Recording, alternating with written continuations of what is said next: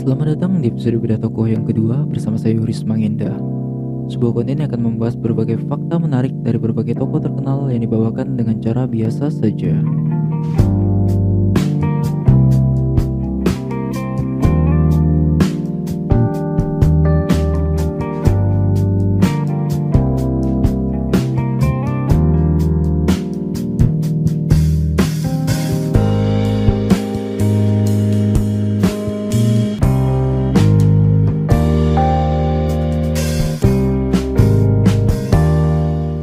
Pada episode yang kedua ini, saya akan coba membahas salah satu tokoh yang barangkali sudah sangat familiar bagi kita semua. Ia adalah seorang pebisnis, penemu, dan salah satu sosok visioner abad ini, serta founder dari brand Apple. Siapa lagi kalau bukan Steve Jobs.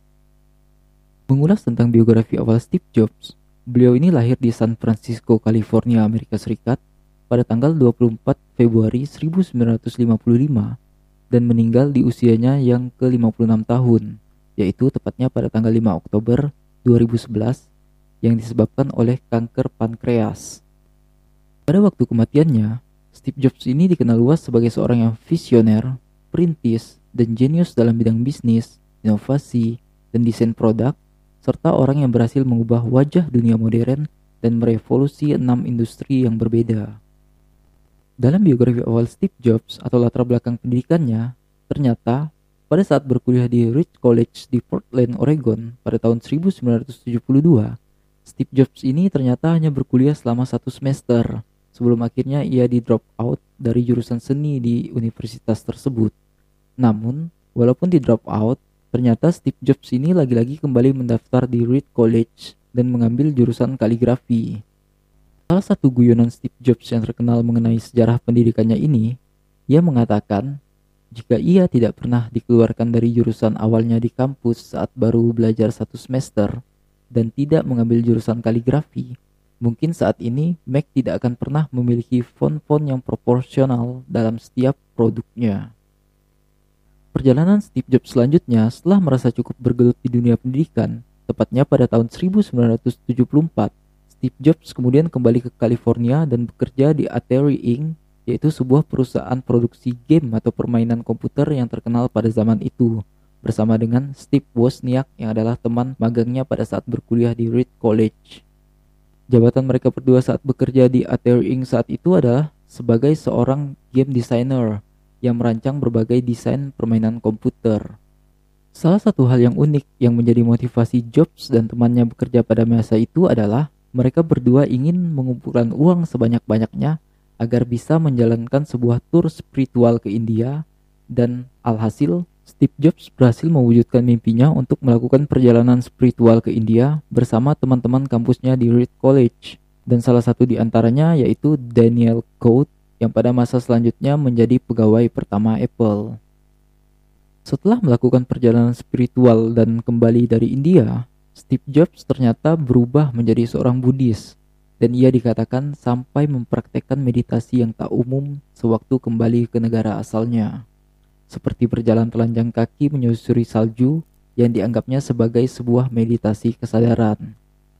Momen perjalanan ini juga yang dalam perjalanan hidupnya diklaim sebagai momen hidup yang sangat penting bagi seorang Steve Jobs.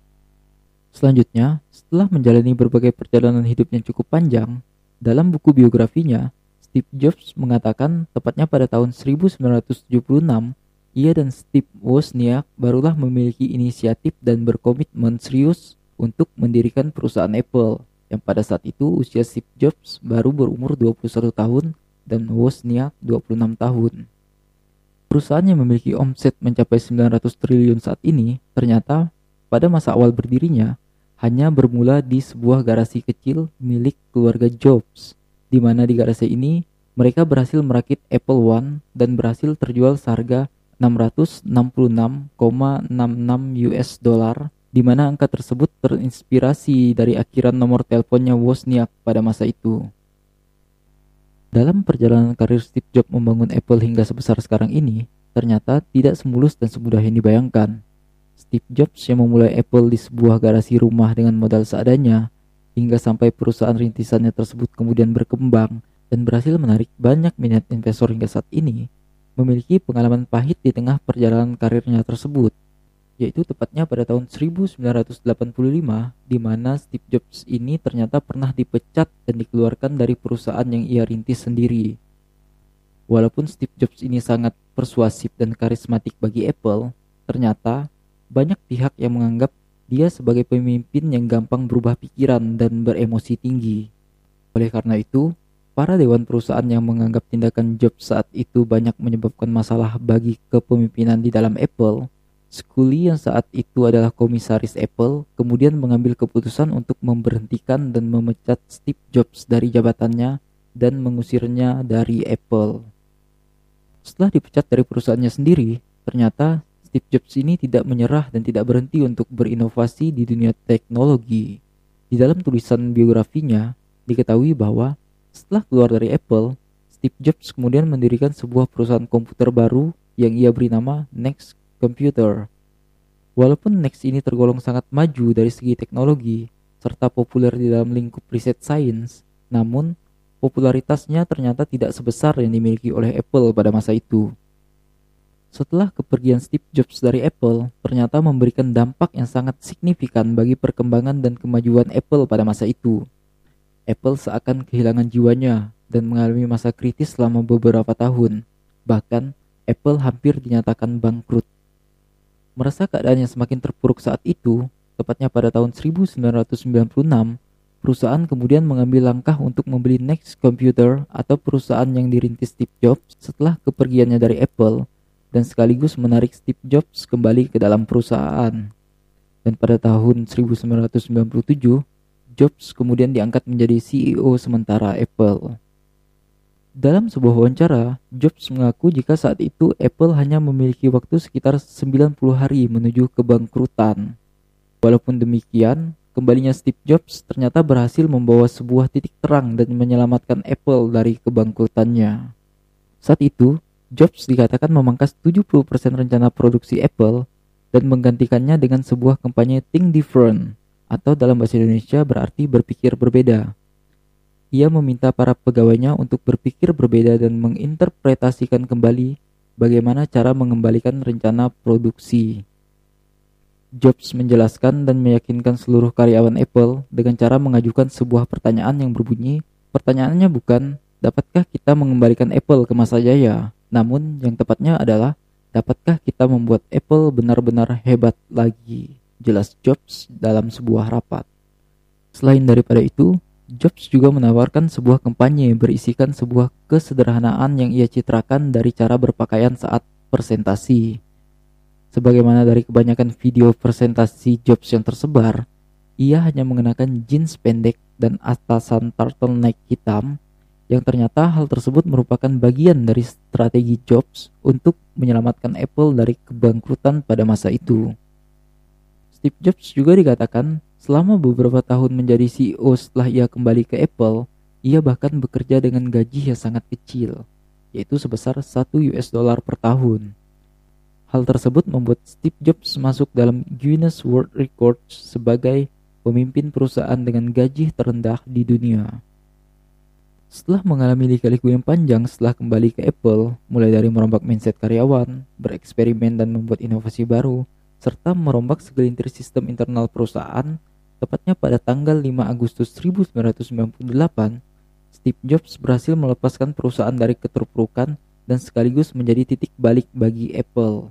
Tepatnya setelah Apple memperkenalkan terobosan komputer all-in-one bernama iMac G3 yang hanya dalam lima bulan setelah rilis iMac terjual hampir 800 ribu unit di seluruh dunia. Setelah itu, Steve Jobs juga mulai mengembangkan inovasi lainnya seperti dikeluarkannya iPod pada tahun 2001 yang terjual lebih dari 400 juta unit. Dan hadirnya iPod ini juga sekaligus mengukuhkan posisi Apple menjadi perusahaan yang tak hanya memproduksi komputer saja. Setelah iPod pada tahun 2001, selanjutnya berbagai inovasi lain terus bermunculan hingga saat ini, dimulai dari generasi awal iPhone yang pertama kali diperkenalkan pada tahun 2004 serta iPad pada akhir tahun 2009 dan seluruh inovasi peninggalan Steve Jobs tersebut atau setelah kematiannya pada tahun 2011 terus dikembangkan dan diperbarui hingga saat ini yang kemudian mengantarkan Apple menjadi salah satu raksasa teknologi di dunia saat ini. Selain keberhasilan Steve Jobs bersama Apple, ternyata Steve Jobs juga memiliki beberapa hal besar lain yang ia kerjakan semasa hidupnya. Seperti pada tahun 1986, di mana Steve Jobs ini mendirikan Pixar Studio bersama dengan Edwin Catmull, yaitu sebuah studio animasi komputer yang berlokasi di California, Amerika Serikat. Salah satu terobosan besar dari Pixar Studio yaitu membuat animasi bagi film-film seperti Toy Story, Finding Nemo, dan The Incredibles. Bahkan film-film tersebut berhasil memenangkan Academy Award. Selain daripada itu, Steve Jobs juga ternyata berperan penting di balik kesuksesan raksasa search engine saat ini yaitu Google. Steve Jobs ternyata adalah mentor dari Sergey Brin dan Larry Page pada saat awal mereka mendirikan Google. Mungkin cukup sekian pembahasan kita dalam episode Toko yang kedua ini. Jangan lupa nantikan dan saksikan terus episode Toko lainnya bersama saya Yuris Manita. Terima kasih dan semoga bermanfaat.